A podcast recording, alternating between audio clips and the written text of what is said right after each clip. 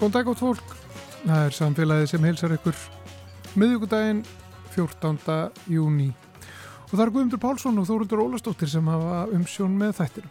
Íslandikar hugsa mikið um veður, skoða spár og frettir, en það eru veður hér válind og óútreiknanleg.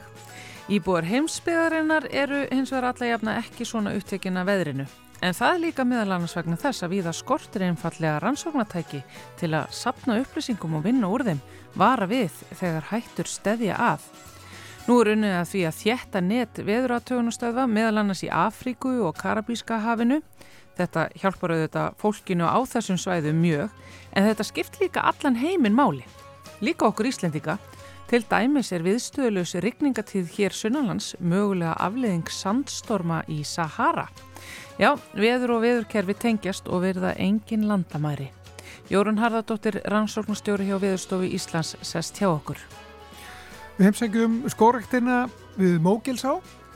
Þar hittum við Brynjuður Rappgjálsdóttur, skortýrafræðing. Hún ætlar að fræða okkur um hvernig meindýrin koma undan hörðum vetri og ráslagalegu vori meirum það á eftir. Málfarsmínúta verður svo sínu stað jafnvel eitt russlarapp og svo er vísendarspjallið í lok þáttar. Þá kemur Edda Olgudóttir til okkar að venju og segir okkur frá rannsóknum nú um hvaða áhrif streyta hefur á heilastöðarnar sem stjórna áti. En við byrjum á að skoða veður út um allan heim.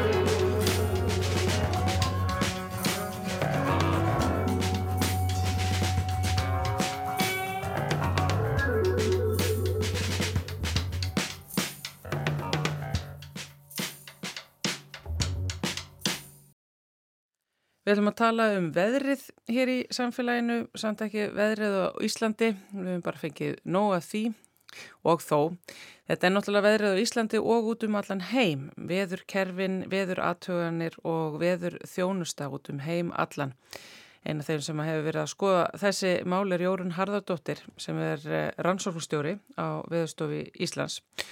Hún fór allavega til Afriku til þess að ræða þar við heimamenn um veðuratöganir. Sælust í jórun? Sælu blessuð.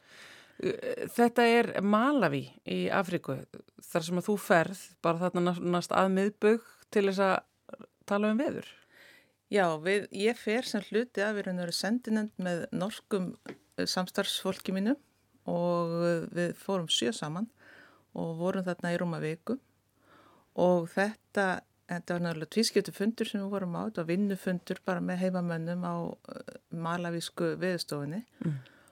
og uh, þar voru við þess að þrjár okkar, eða þrjárafóknum vorum að tala um svo kallar SOF-verkefni og það verkefni er felur í sér í raun og veru uppbyggingu veður aðtóna kerfa í þróunalöndum og þar meðal í Malawi.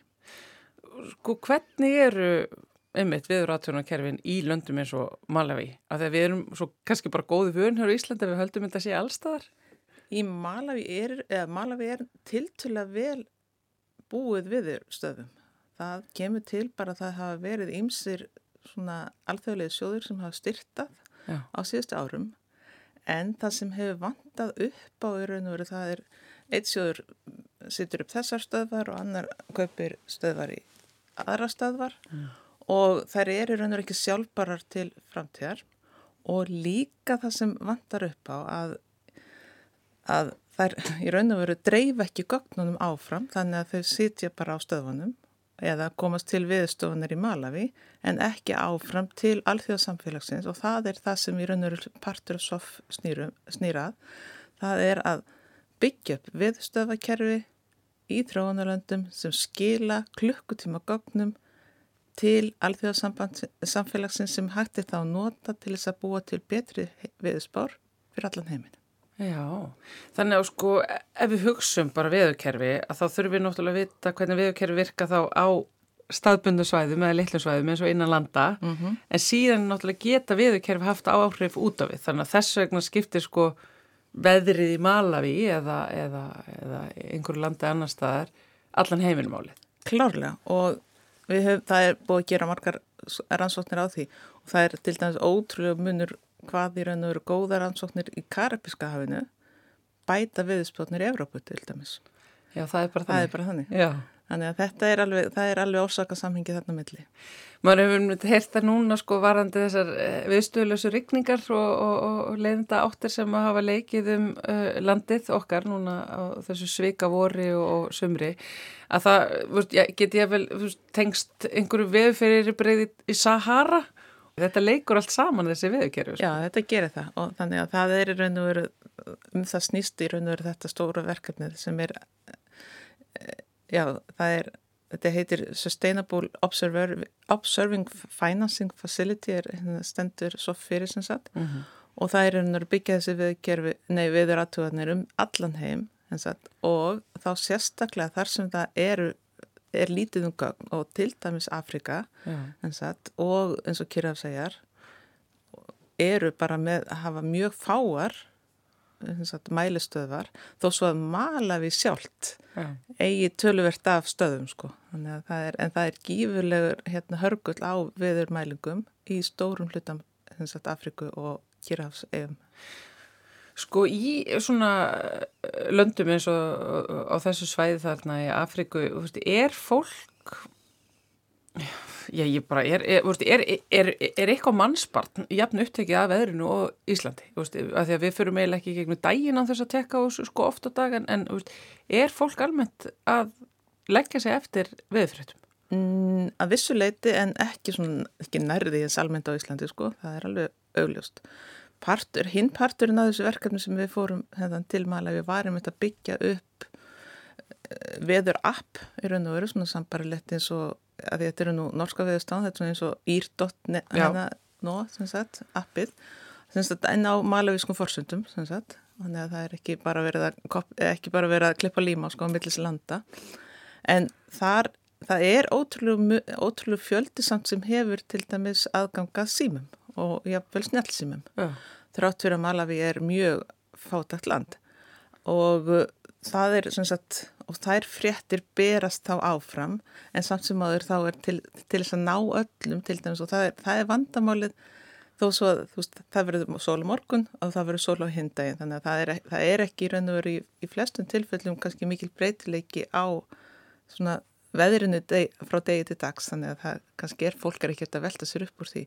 En það er að aðalmálið er að ná til fólks eða er einhver breytileiki og eða er einhver vá sagt, eða eru fellibilir eða, eða, sagt, eða svona tropical hérna, lagðir sagt, að það er þá sem virkilega skiptir máli að ná til fólksins til þess að geta vara við og út af þetta út af viðvaranir gengur í raun og veru framhaldið af verkefninu að það verði hægt að vara alla við veður tegndri vá mm -hmm. og þá er sagt, markmið alþjóðsamfélagsins að gera það og þá er ég að tala um saminuð þjóða batterísins, þeirra stofnuna sem þær eru undir, að, að í lokárs 2027 þá verði getið sagt, nái veður viðvaranir til allra mannsbarn á í heiminum.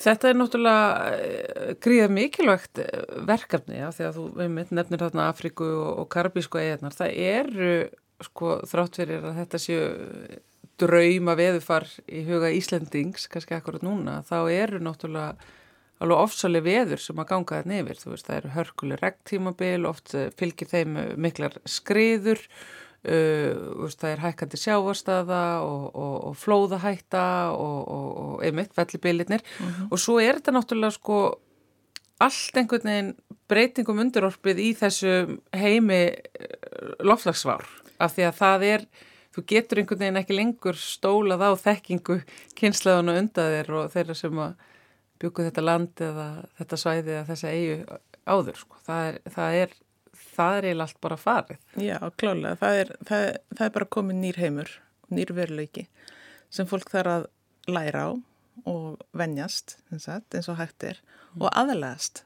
Það er alltaf stóri partur líka að geta þá að aðlagast þeim breytingum sem eru fyrirsjónlegar og eru þegar hafnar og þetta er náttúrulega við sjáum þetta, það er kannski eitt er að fá uh, tíðari eða tíð, tíðari óveður en það er líka tíðari þurkar og breyting á þessu sagt, gamla í raun og veru veist, það, þessu sem sagt árstíðabreitingin er svo mikil og fyrir landi sem mala við það sem þetta hefur alltaf verið í föstu skorðum, þú bara plantar þessum degi þessu korni og svo framvegis og þegar þessi ringgrafs fer eitthvað að raskast þá situr fólk uppi bændur af samfélagið í Malawi uppi hvað þau var að gera núna.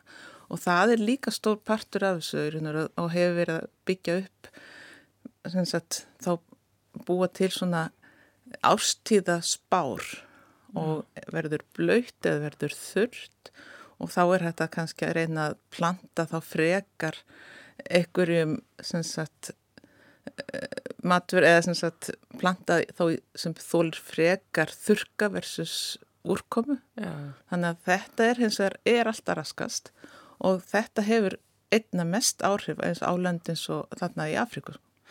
Þetta er nefnilega svo skrítið að því að sko í þessu löndu það sem hefur verið allt hefur verið svolítið föstum skorðan hvað var það veðu far og ástíðaskipti mm -hmm. bara rektífabilið, en hérna þá byrjar þennadag líkur það en svo kemur sól og við getum bara svona stólað á hlutinni síðan svona hins einn þetta er náttúrulega sko einhver hugsun sem Íslendingar hafa náttúrulega aldrei haft sko, nei, nei. við vitum aldrei hvað, hvað við, veðrið gerur okkur og það er náttúrulega móta það hvernig við byggjum þetta land þannig að þetta er svona þessi íslenski veðurundubúningur og íslenski veðurhugsun er eitthvað sem að heimurinn þarf kannski meira og meira að tilenga sér greiðin. Já, já, og þessi náttúrulega skiptir þessum, það er náttúrulega partur af þessu í raun og veru þessu stóra, stóra meginmarkmiði að allir geti sagt, fái viðvaranir þegar eitthvað stórt er að gerast og, og geti þá gert viðhandir ástafanir. Þetta hefur gífurlega áhrif ef við hugsaum síðan áfram að, það sem hefur sérstaklega mikil áhrif til dæmis eru flóð sem tengjast þá úrællisreikningum og og það er bara við sjáum það bæði í Evrópu og ekki bara sagt, um, í þessum löndum sem eru viðkvæmari fyrir þessu. En þetta er eitt af því sem skiptir verulegum við bara hugsaum dögum áfram Asi og Himalaya og það sem við raun og veru breytingar á jöklum og jöklar, að, jöklar er að minga og hefur það gífur áhrif á vassbúskap heldarinnar og möguleg skriðuföll og flóð og annað í þeimdur. Þar er aftur um átta einmitt stór, risastór samfélag undir sem hérna er að nú veru geta lent illa í því sem sagt og þar skiptir öllu mála, geta þá vara við og en það þarf að vera sagt, kerfi þarf að vera, kerfi þarf að vera tilbúið til þess að taka við ok, það er að koma flóð og það er að koma vond veður og hvað gerum við svo ja. það er það næsta skrif sem það er líka huga. En í þessu verkefni sófverkefni, eh, það sem er einmitt verið að koma upp viður aðtöðastöðum, eh, tengja þær við eh, staðbundnar veðurstofur og síðan heiminn allan og síðan koma þessu viðvörunarkerfa á ég myna, hvað er þetta hvað er þetta stórt verkefni, hvað er við að tala um hérna að þetta takir langa tíma þar sem að verður komið sko fullnægjandi þjættriðið veðuratöguna stöða net yfir öll byggð ból í heiminum? Sko, sko. Það er, það er þetta er sem sagt í þessum fasa í þessum soffasa, þá er verið að byggja upp þessu viðkerfi í þessum þróunarlöndum og svo kvöldu smá eiríkjum, þróunar eiríkjum mm. og þetta er um 50 lönd sem eru í þessum fyrsta fasa soff og núna eru 26 undir, það eru held í 16 að koma inn núna í setnumverðin árinu og svo restin á næsta ári og þetta það er með í raun og veru að því ég nú fylgst aðeins með starfi innan allþjóða viðfræðstofnunar síðustu tíu ára eða svo að þetta verkefni það er á einhverju undrarraða sem fer þar í gegn. Það, ég hef aldrei kynst verkefni sem fer svona rætt í gegn og það er gífurlegu bæði áhuga að koma þessu áfram, metnaður og það er fjármagn líka sem sagt, þannig að allþjóða samfélagi og þar meðal Ísland hefur sett inn í þennan soft sjóð sem styrkir þetta verkefni pening og það, er, það eru fleiri þjóðir að bætast við en það er, það er gamna að segja frá því að Íslandi var eitt af, sagt, átta, eitt af áttalöndum sem setti upphálega sagt, peninga inn í sjóðin á samt flestum öðrum hinum Norðurlöndunum frutan Svíðjó en þetta er það er búið að reikna það bara það að byggja viður kerfin, viður mælgakerfin þá er það verður að tala um svona að þetta sé um, það eru 25 miljardar bandaríkjadólara á ári sem sparast í samfélaginu. Bara þegar þetta er komið. Og þá er ekki að tala um sko framhalds allan ávinningin nýja í raun og veru viðvarannar sjálfar allar. Þannig að þetta er, þetta er gífilegu peningu bara því að bæta viðspotnar með uppbyggingu aðtóna kerfana sjálfra. Já. Bara sápartur er þetta cost-benefit hlutfall er gífilega gott eða takst, eða, já, já. en hugmyndin er að sagt, fyrir lok ársins 2027 að þá verði þetta komið í raun og veru í gagnið og á síðasta þingi eða allsverðar þingi alþjóða viðmálastofnuna sem var að ljúka núna í byrjun júni þá var þetta í raun og veru verkefni sem er kallast í raun og veru stóra verkefni þetta viðvarandi verkefni Early Warnings for All að það í raun og veru er í hæsta forgangi mm. þar inni og í raun og veru reynd að tengja öll önnur verkefni á einhvern hátt þessu stóra megin markmiði að 2027 í árslokk verði allir komnir eða hafi aðgang að viðvörunum mm. Þetta er náttúrulega jórun, úrst, virkilega göfugt verkefni uh, og eins og þú segir, þetta hérna, hjálpar fólki á þessu stöðum þar sem að, að aðgangur og veðurupplýsingum er ekki til staðar og, og, og, og með, oft með ræðilum afleggingum. En ymmit að þú sagðir að þessi undraverði hraði, hann líka náttúrulega hlýtur og helgast að því að þetta hefur, eins og þú ferði yfir, bara borgar sér svo rosalega mikið fyrir löndin sem eru að borga þetta af því að betri veðurkerfi í Afriku þó þetta sé allt saman langt í burtu frá okkur það bætir veður veðursportnur okkar. Því að þetta já, er nefnilega sko þetta finnst mér alltaf svo magnað það, hvað er það, er ekki eitthvað svona hérna, máltæki sem segir ef að fyririldi blakar vangjunum hérna í Amazon-skójunum og þá veist, ferast að fellibillur eh, einhverstaðar hinum á nettinum en þannig þetta er, þetta er, er, þannig eru viðkerfi Já, já, vantilega það myndu nú, þessi ríki myndu eh, kannski hugsa sig aðeins til þessari með að það fengi ekkert út í því sjálf sko. En Ísland, það eru svo Ísland og hérna Malawi, er, það, það vil, vil nú þannig til að Ísland og Malawi eru með tvílega trónasamning þannig að það er nú, það, þess vegna var nú mjög ánægilegt að við gáttum komið okkur inn í verkefni með Norgi sem sett í Malawi sérstaklega, það, það var mjög ánægilegt. Já. En þetta með að, að, að, að það sem að segja gerast í Afriku, mm -hmm. veist, hafi áhrif á veðufarið hjá okkur eins og til dæmis núna. Já. Þetta er svo magnað og við gleymum því einmitt svolítið að, að, að þegar kemur á veðri að þá er bara heimurinn allir undir þetta veist, þessi rigning, hún fæðist einhver staðar sko, hún verður einhver staðar til áður hún kemur til okkar einmitt og það er náttúrulega uppbrunn á veðkjörunum sem í raun og veru beinir þá rigningunni hingað í raun e, eða ekki að, og er lott, við vitum það bara þessi, veist, ef það er gott verið skandinu þá vonti við okkur. Veist, er, þetta er svona hug, hugmyndin alltaf hérna, þá er lagðaböna sem liggur hérna yfir landi og þá er einhver hæð sem stoppar að yfir skandinavi kannski á móti. Ja. en, og, þetta er, og þetta er náttúrulega um allan heim svona sagt, telecommunication sagt, á milli viðkerfa þannig að þetta er, já, klárlega þetta er ekki bara þetta er heims þetta er, já, þetta er á heimsvísu já, klárlega Og maður hefur séð að veðurfræðingar hafa oft verið einmitt að færa sig í veðurspónsinum út í upprunan. Ástæðan fyrir því að þetta er svona hér, að það er kallt hér núna, er af því að það er nóti raskati, er þetta. Já, já, og þetta er, ég var að, það partur af þessum fundi sem ég var á hérna í gens, það var í raun og veru, við erum með svona, svona norrætt og baltiskur hópur sem hittist sem sagt, og ákveðum nota tækifæri þarna í gens, sem við vorum mörg sem er, það er í raun og veru svona vatnafræðilegur hópur. Og það ræmitt var verið að sína þessum einu sænska viður og vatnafræðistofnunin er búin að uh, leggjast yfir tíma uh, tímaháðgögn aftur í tíman og þar telja þau sig vera búin að finna í raun og veru ég man nú ekki nákvæmlega sem sagt hvað marga mánuði aftur í tíman en þú skoða veður far sagt, á, á bletti í norður allansæðinu þá er það spá fyrir um þurka í Skandinavíu. Nei. Og hérna, þannig ég þarf nú, ég, þetta er tekið um eða svona, ég þarf nú aðeins að, ég man nú ekki nákvæmlega, sagt, hérna tímasetningarnir og hver nákvæmlega stafsningin var. En þetta var ótrúlegt og spáinn fyrir Skandinavíu sumar var nú ekki mjög glæsileg því að það er spáð allan samkvæmt þessum, þessum hérna vísi þá er spáð miklum þurkum í eins og Svíþjóð og Finnlandi.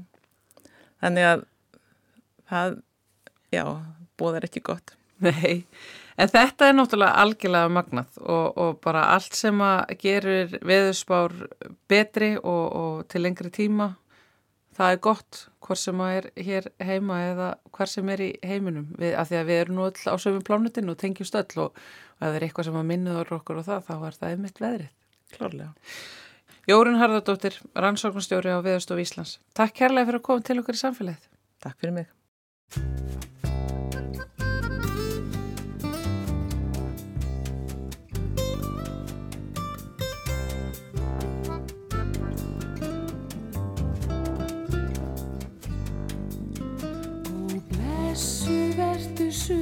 Sumarsól er sveipar gulli dal og hól og gillir fjöllin heiminn há og heiðar vötnin blá.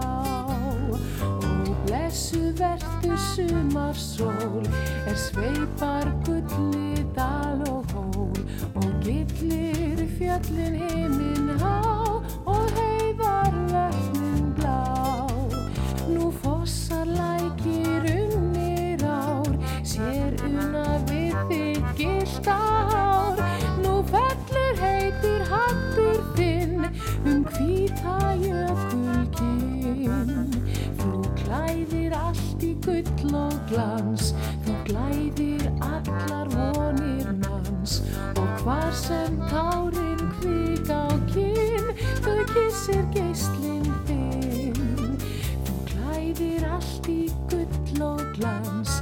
glæðir allar vonir manns. Og hvar sem tárin kvik á kinn þau kissir geislinn þinn. Þú fyllir dalinn fugglasöng nú finnast ekki dærin löng. Og heim í sveitir sendir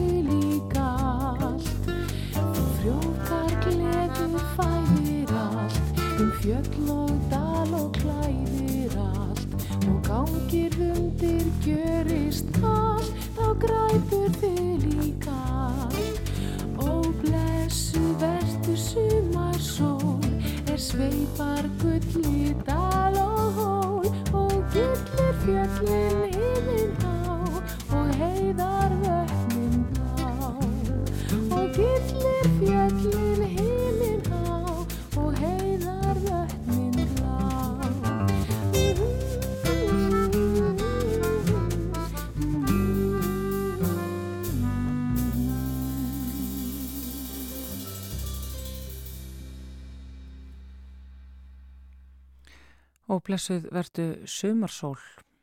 Það var Kristján og Stefansdóttir sem að söng þetta lag Ljóðið er eftir eh, Pál Ólafsson sem var nú lengst af bondi á Östurlandi, fættist á eh, Fáskursfyrði og það er náttúrulega tölverð sumarsól þarna fyrir austan, vantarlega þegar Pál var að semja þetta lag og eh, sem og núna, það er búið að sjást minna þeirri gulu hér fyrir sunnan eins og gengur að gerist.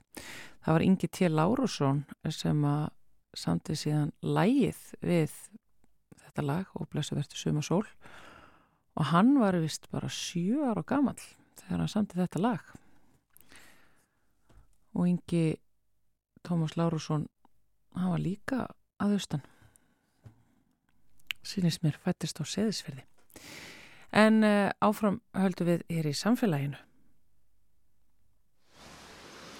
Ég komin hérna að Mókilsá Eh, við rætur Esju og ég er bókstala við Mógilsá, það, það heyrist hérna niðurinn í ánni.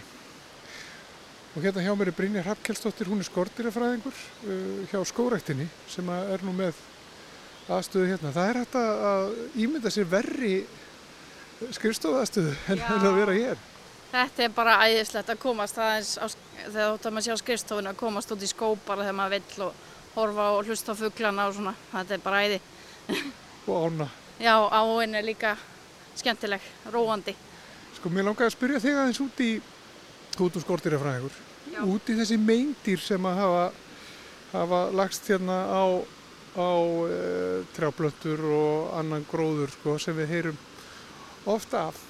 Um, núna var, var veturinn kaldur, það var mikill snjór og vorið hefur nú verið aldrei svona frekar kallt og blöytt og sumarið lengi á leðinni. Hver er staðan á þessu myndi? Sko eins og við byrjum á vetrinum þá skiptir hann ekki miklu máli fyrir flest myndirinn því að þau eru bara í dvala, vanalega sem púpur eða egg, stundum fullvandir og þóla alveg upp í mínus 30 vel oft og svona en það er enda sitgalúsin er lifandi við veturinn, það er hún sem verður fyrir mestum skadarum þegar mikill kuldi lengi. En svo þegar fyrir að voru og þau fyrir að vakna þá þurfa þau eiginlega tvenn, þau þurfa að hita til þess að hana vaksa fljótt og svo þurfa þau eitthvað til þess að borða. Og það eins og til dæmis á söðvesturhóttinu núna þá hérna, er korugt mikið af kannski að því að trén fór að löfgast setna heldur en kannski vanalega. Og svo komu skemmtir út af saltákomu. Og svo er þegar þau fara að vakna þá skiptir hýta summan miklu máli til þess að þau vaksir hratt. En þau vakna öll.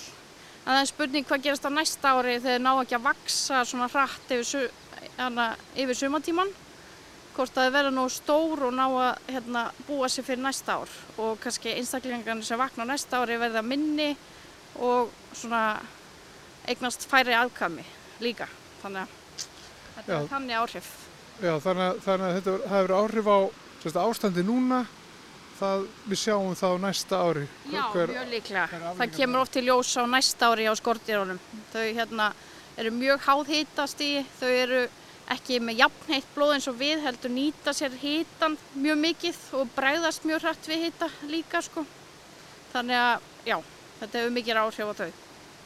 En hvaða kvikindi eru þetta sem við erum að tala um? Það er alls konar og það er alltaf að koma eitthvað nýtt og hérna eins og við höfum alveg áhyggjur af byrkinu til dæmis, það er alltaf að koma eitthvað nýtt á það og hérna hvað að þólir mikið í viðbót til dæmis. En já, þetta eru bjöllur og fyrirdalir við mjög mikið til dæmis sem, og bladlís, þetta eru svona aðal. Svo eru vespur að koma aðeins inn. Er það nýtt? Já, það eru svona, þeim fer fjölgandi eins og til dæmis Birki Þjela sem lifir innan löfblöðum á Birkinu. Hún er vespa. Hún er á haustin, sko. Þannig að það eru svona aðeins. Og það vespuna séu líka mjög gagleira því að það eru líka veiða þessi myndir aðrar vesputegundir. Það eru, sko, stundum eru þessi, hvað getur kent við, við tegundir sem að leggjast á. Já. Birki feti er eitt, asparglitta er annað. Einmitt. En það er til dæmis með asparglittuna, hún hefði kannski verið skýrð víðviglitta hefði hún ekki verið til fyrir, búin að vera lengur hérna á Íslandi. Þannig að, að því að asparglitan fer verð með víði heldur en ösp til dæmis, þótt hún geti ösp, þannig að það, já, en þetta er oft kent við svona það sem hún er helst í skadvaldurinn.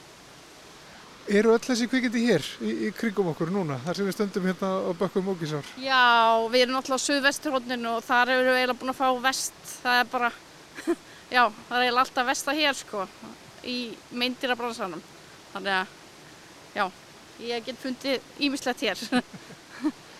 En uh, hvernig kom nú skóurinn hérna uh, við Mókilsá undan, undan vetrinum? Uh, fólk er nú að, að taka eftir því víða að það stór sér á trjánum, Já. sérstaklega sem stað. Það var bara ljótt að horfa hérna upp í Essu hlýða fyrir nokkrum dögum sko, bara brút skóur. Þannig að hann kom ekki vel út hér en mér finnst eins og þetta gerist mjög hratt núna að trénur jafna sig og það er einmitt má benda á það að það, þótt aspinar voru ekki að löfgast alveg á réttum tíma þá ekki fellaði strax að gefa þeim tækifæri að því við sjáum ekki fyrir í haust hver, hver skaðin var í raun og veru sko. En, en geta þessi drepp bara hreinlega bara dreppist?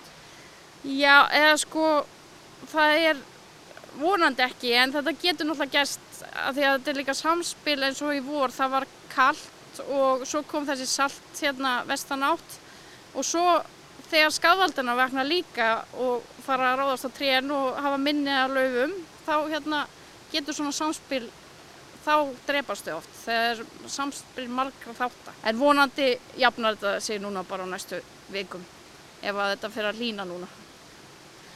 Að því vorum að tala um eindirinn, sko undarfærin ár þá er fólk verið að pyrra sig á lúsmí sem er nú tiltalega ný ný tegund hér fer mikið tögundar fólki svo eru geitungar þeir alltaf sífinsalir eh, eða ekki öllu heldur Já. Eru ykkur vísbyttingur um, um hvernig þessum tegundum hefur reitt af núna? Uh, ég hef ekki alveg heyrt um það en bara svona sjálf hefur tilfinningu að ljúsmíði er eitthvað minna og setna ferðinni þótt að ég ekki hef alveg búin að rannsaka það. En það er til dæmis þetta er ástæðan fyrir til dæmis að sumir halda moskító sé ekki búið að nema hér land. Þessar vor hérna leysingar eða það kemur hlýtt og kallt til skiptis að því að moskító er á mun kaldari svæðum til dæmis þannig að það er kannski eitthvað ólíklegt að þetta hafi líka áhrif á lúsmíðið og fleiri slíkar tegundir Þannig þannig að það er svona þín tilfinning að það verði minna af lúsmíði sem Já, kannski bara bjart síni en já Ég hver að gera það nóga því þar en mér finnst svona að vera ekki jafn mikið. En, en er það hér?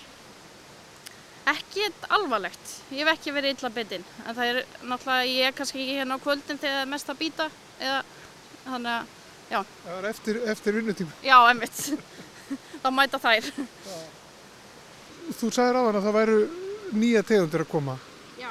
Og uh, nefndi nú þarna vesputegundina. Já. Er, er ástæðan fyrir því, er það breytingar á, á, á er það hlínun, er það breytingar á umhverfunu eða er það meiri skóur, er það, er það bara fleiri tré, kalla þau á fleiri, að, að það að fleiri meindir geta e, svona náð undir sér fótunum hér, náð fótfestu? Já, það skiptir náttúrulega miklu máli að hafa hísilplöntuna en við skoðum þetta í einu, einu rannsókn og Þar kom í ljós á hlýskeiðum er miklu meira landnám nýra skafvalda heldur en á kuldaskeiðum og nú er búið að hlýna meðalhitti ásmeðalhittum eina gráðu og það hefur mikið að segja og það, það síndi það þarna. Það var ekki endilega uh, nýjar tegundir, endilega heldur hérna, uh, hitastig og það, skipt, það er sumartímin sem skiptir málið þarna eins og ég kom inn á aðan. Hérna á vakstartímabilinu að sé nógur hiti þannig að ná að koma upp allan einni kynnslóð skortirinn. En hvað áhrif getur uh, svona nýr ný tegund haft á bara náttúruna hér ef það kemur hérna ágeng skortirtegund til dæmis? Það hefur nú sínt sér í nákvæmlega að það getur farið einsýtla með viss kerfin sko. Við, það er kannski að vandamáli er að náttúrulega trén er ekki kannski vönessu, vönessum nýja skafaldi, búin að vera hérna kannski eitthvað tíma og ekki lifið með honum og svo er það náttúrulega óvinninni sem vantar inn í kerfi hér sem kom oft svona jafnvægi á kerfið. Þeir fylgja náttúrulega ekki alveg strax með oft. Og það eru þá, um, hvað, fugglategundir, önnur skortýr?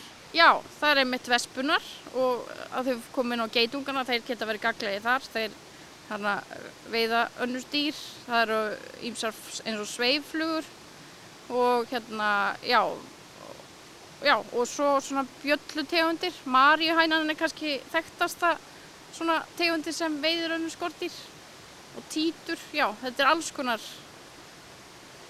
En ekki fugglar sem er að leggja... líka, já, líka fugglanir, auðvitað. Og hérna, meiri sé að spendir geta, hérna, getið skortýr eins og refurinn getur, hana, fyrirndalirfupúpur og, já, þetta, þetta hjálpar allt til. Já, það, en það þarf að vera jafnvægi. Já, einmitt. Það, það sem, svona, riðlast kannski þegar kemur nýr skadvaldur inn, það er bæðið eins og ég segi, plöntunar og svo vantar þennan náttúrulega óvinn sem er bara búin að halda, honum, halda þessu myndir í, í jafnvægi í heimalandinu. Hvað sjáu þið af, af, af dýralífi hér við Mókilsá? Þið sjáu náttúrulega fullt af fugglum. Þú ert að horfa á, á skortýrin. Já, það er, það er svona kannski aðals, ég held að það sé svolítið að músum hérna, við sjáum það ekki, en hérna, já, það er svona aðal kannski, hérna, En ekki refur hér. Eh, ekki svolítið tíma, það var eitthvað tíma refur hérna, en hérna, já, og kannski minkar, það er hljóta að vera minkar eitthvað starf hérna, held ég, en hérna, við sjáum ekki mikið af þeim. Við sjáum ekki heldur skortýrin sem þú ert að rannsaka. Hvern, hvernig eh, fer þín vinna fram hér? Uh, ég bara voru mikið að hérna, við erum bæðið með tilraunir út um allt land sko, en svo er ég bara að vakta svona og fæ hérna fyrirspurnir og skrásett þá hérna ef að sé eitthvað, ég er náttúrulega vinnufélag minn út um allt land og svona og svo förum við í skoðunarferði líka til þess að bara vakta landið, en eins og ég segi, ef að sé eitthvað alvarlegt í gangi þá er látið vita og þá skoðum við það. Og, og alvarlegt, hvað áttu við með því? að bara mikið, mikið hérna, sölna lauf til dæmis eða trí að drefast eða svona sjá. Og er, er fleira sem að þið, þið skoðu, eins og geti, eru þið að skoða sveppi og þess aftar sem geta lagst á tré? Já, við erum líka með sjúkdóma sem sagt, þannig að það er ekki starfandi hérna, trjásjúkdómafræðingur hérna, þannig að ég þarf stundum að taka það líka yfir, þóttu ég sé ekki alveg orðin mjög góð í því, en hérna ég reyni. En það er náttúrulega það sem við höfum verið svolítið heppi með hérna, að við erum ekki komið marga alvarlega sjúkdóma í hérna, í trjánum. Við erum með riðsvepp og svona sem dragu vexti og valda kannski kal, smá kali en hérna, uh, já, það er ímyndstað sem geti komið inn sem uh, lítur ekki vel út. já. Ég held ég fara að hleypa þér bara aftur í vinnuna, Brynja Hrafkistóttir, skortýrafræðingur hér hjá skórektinni. Takk fyrir að taka mótið mér hérna bara hreinlega á bökku mókilsár og, og gangið vel. Takk fyrir, bara að koma.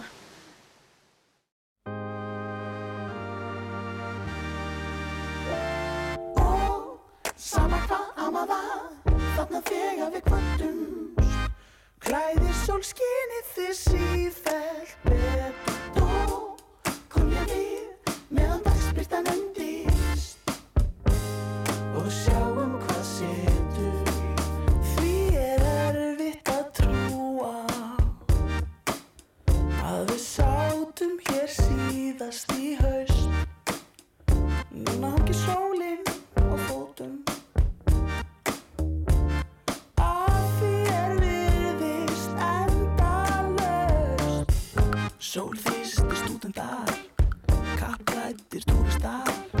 Heilsast á vegi förnum Nýgiftir íspinnar Svitna og örvanda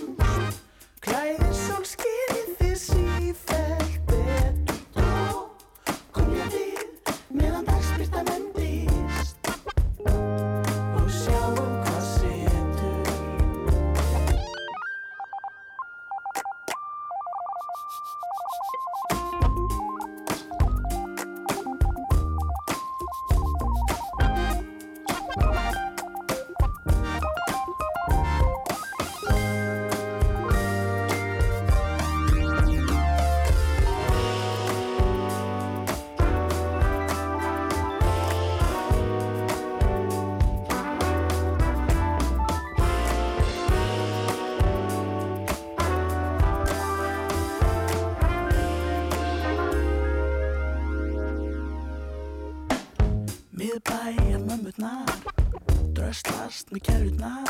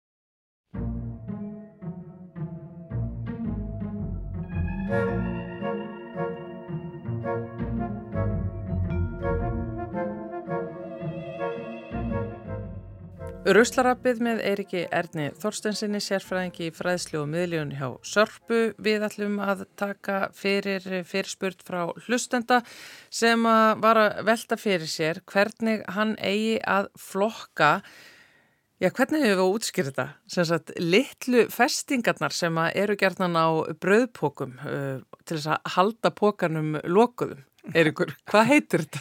Ég, ég er ekki með betri lýsing á þessu, á þessu en, en, en þú, þannig að hérna En við Von- þekkjum þetta eiginlega öll, er Já, já, þetta von- er svona, sagt, það er hægt að byggla þetta svona saman og, og dagsetningin er ofta á þessu. alveg rétt, alveg rétt ég, og þetta er þetta er, þetta er einhver svona málmvýr þarna inn í þessu og, og hérna, svo er þetta bara plast utan á Já.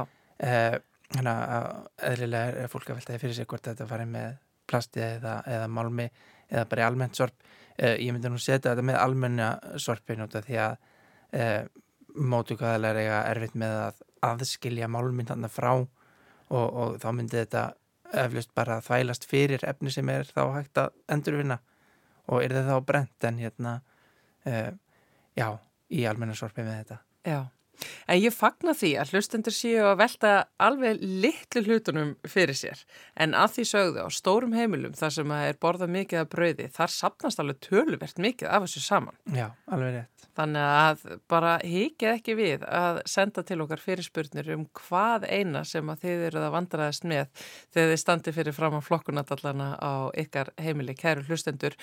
En allavega þetta brauðpoka festingarnar í almenna. Takk hérlega fyrir þetta Eiríkur. Takk fyrir mig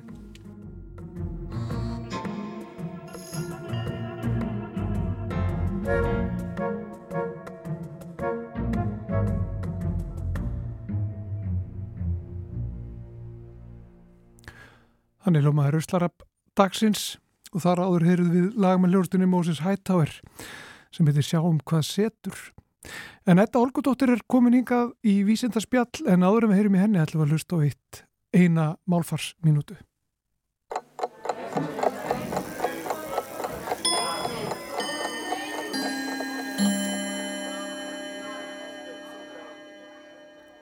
Við höfum vanist því að þau sé aðeins notað um tvær eða fleiri manneskjur. Ungt kynsegin fólk vil sumt að um það sé haft fornafni þau í eintölu. Og raunar er ekkert því til fyrirstöðu. Við höfum fordami úr þéringum þótt þar hafi verið annað fornafn. Í þéringum er notað fornafni þér og sagnorð og lýsingarorð með því er í flertölu. Því er alveg eins farið með fornafni þau þótt það sé haft um eina mannesku. Fyrirmyndin er fengin úr ensku þar sem þessi notkun á fornafninu þeir er algeng. En svo skemmtilega vill til að orðið þeir er gamalt tökuorð í ensku og það er komið úr norrænu. Það kom í stað eldri fleirtölumynda enskra fornafna sem reyndar hafa að einhverju leiti verið endurvakin sem kyn hlutlus fornöfn.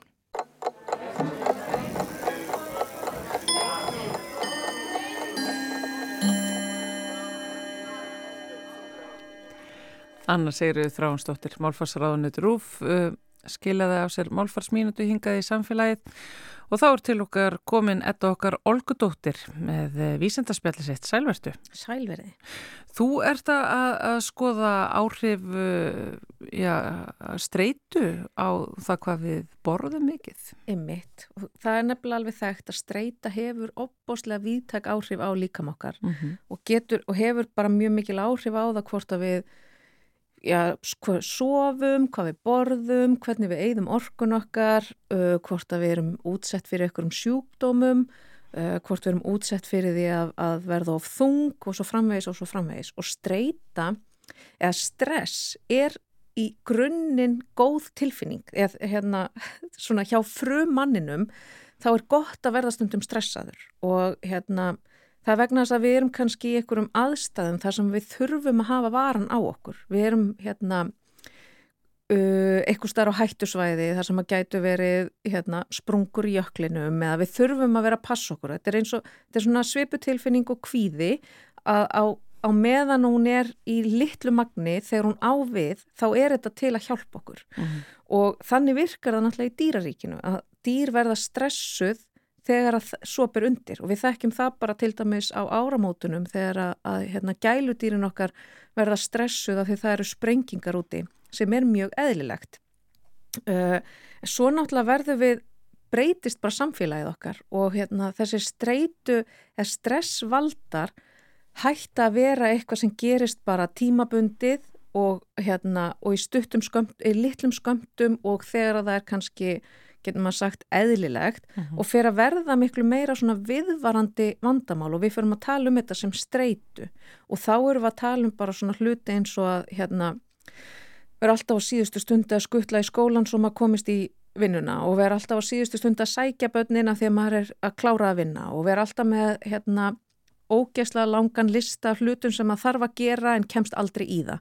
Og þurfa svo líka að sinna sko hérna vinnu, fjölskyldu og, og félagslífi og, og, hérna, og líka mæti ræktina og borða holt og vera fullkomin sem er náttúrulega bara ógislega Það er erfið. bara stressar þú segir það. Já, ég líka eiginlega. Öll komið hraðin hersla.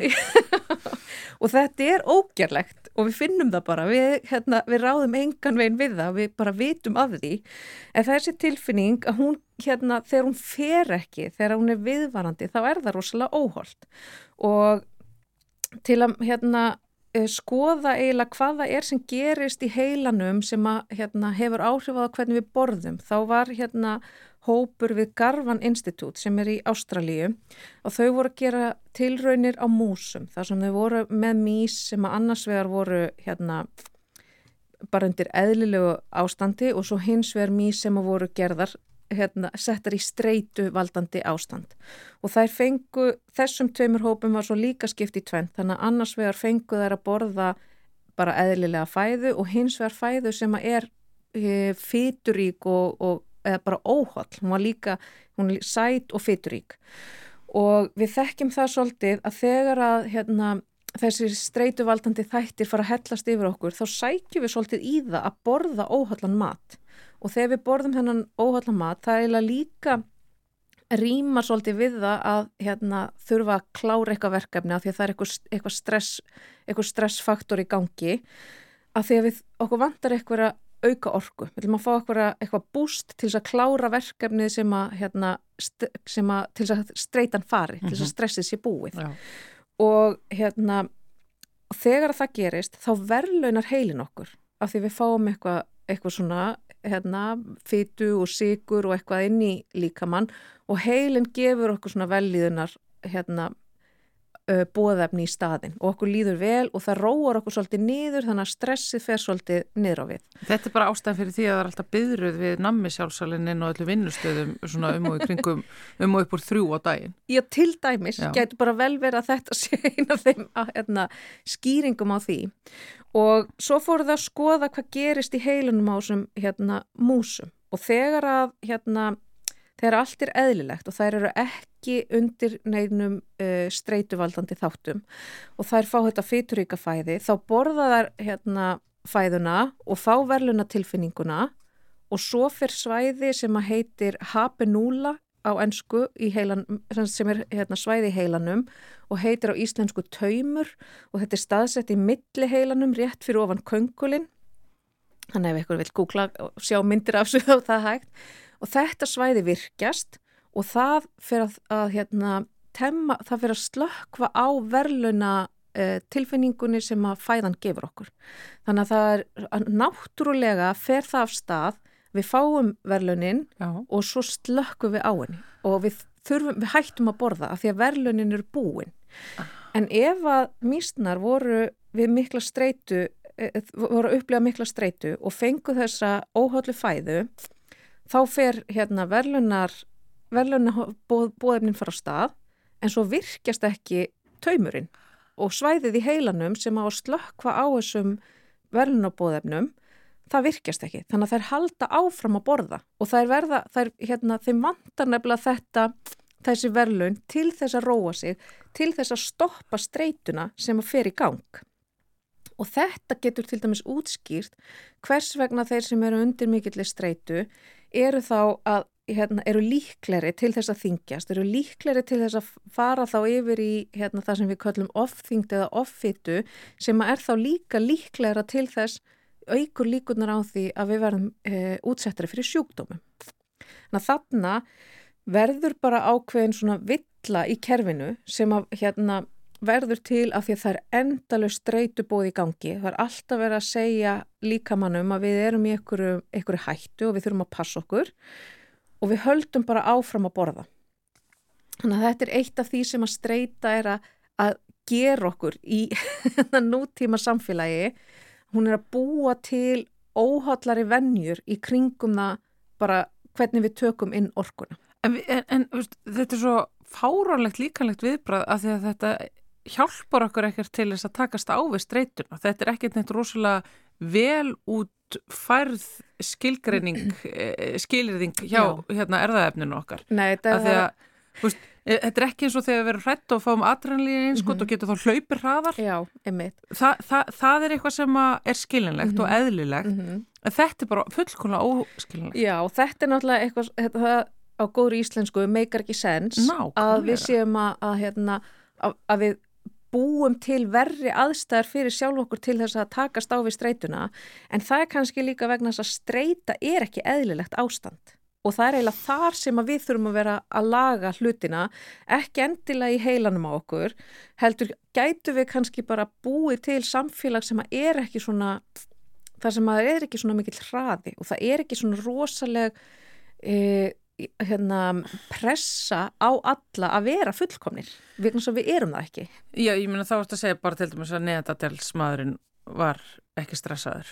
Það var, hann var bara slögt típa Já, hann var mjög slagur, ég hitt nokkra þeir eru mjög slagir en þeir voru, hérna, þeir voru bara ekki undir sama sömu aðstæðum. Þannig að þetta er nútímavandi. Já, þetta já. er nútímavandi. Og þar alveg er erðaefnið okkar ekki bara í stakk búi til þess að taka stáðið þetta. Af því að stress sem að neandidalsmaðurinn var fyrir eða bara hérna, homo sapiens fyrir hérna, miljónum ára það hann var bara hann, hans stress var bara í stuttan tíma. Og það var sko það er svona eins og stressi sem við finnum fyrir þegar við þurfum að klára verkefni fyrir skólan sem þarf að skila morgun þá finnum við fyrir einhverju stressi og þá við fáum einhverja auka orku til þess að einbytta okkur og klára hérna, verkefni, svo skilum við því og þá hættir streitan, þá hættir stresshormónina flæðum líkamann og við fáum pásu og líkaminn fær að núlstilla sig.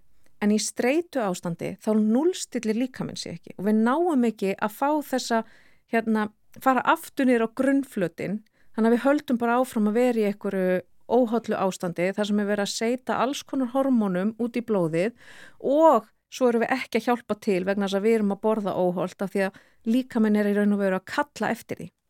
Og við gætum auðvitað svara þessu með því að passa bara að borða alltaf hólt, jafnvel þó við séum undir mikilli streitu, en það er samt sko það lagar ekki vandan af því að streyta er samt alltaf óhóll. Jábel þó að við séum að reyna að gera allt til að streyta hafi sem minnst áhrif á okkur að þá er hún samt óhóll. Þannig að það þarf að laga rótina. Það er ekki tækt að laga bara að borða alltaf holdt og mhm. hreyfa sig. Af því ef það er alltaf áframhaldandi streytu þáttur þá munum við ekki ná að komast nýra á grunninn.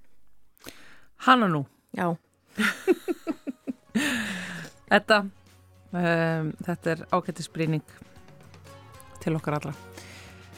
Heyriði það. Takk fyrir kominu. Takk fyrir mig. Og uh, með uh, þessu einslægi um vísindi og rannsóknir uh, frá ettu líkur samfélaginu í dag.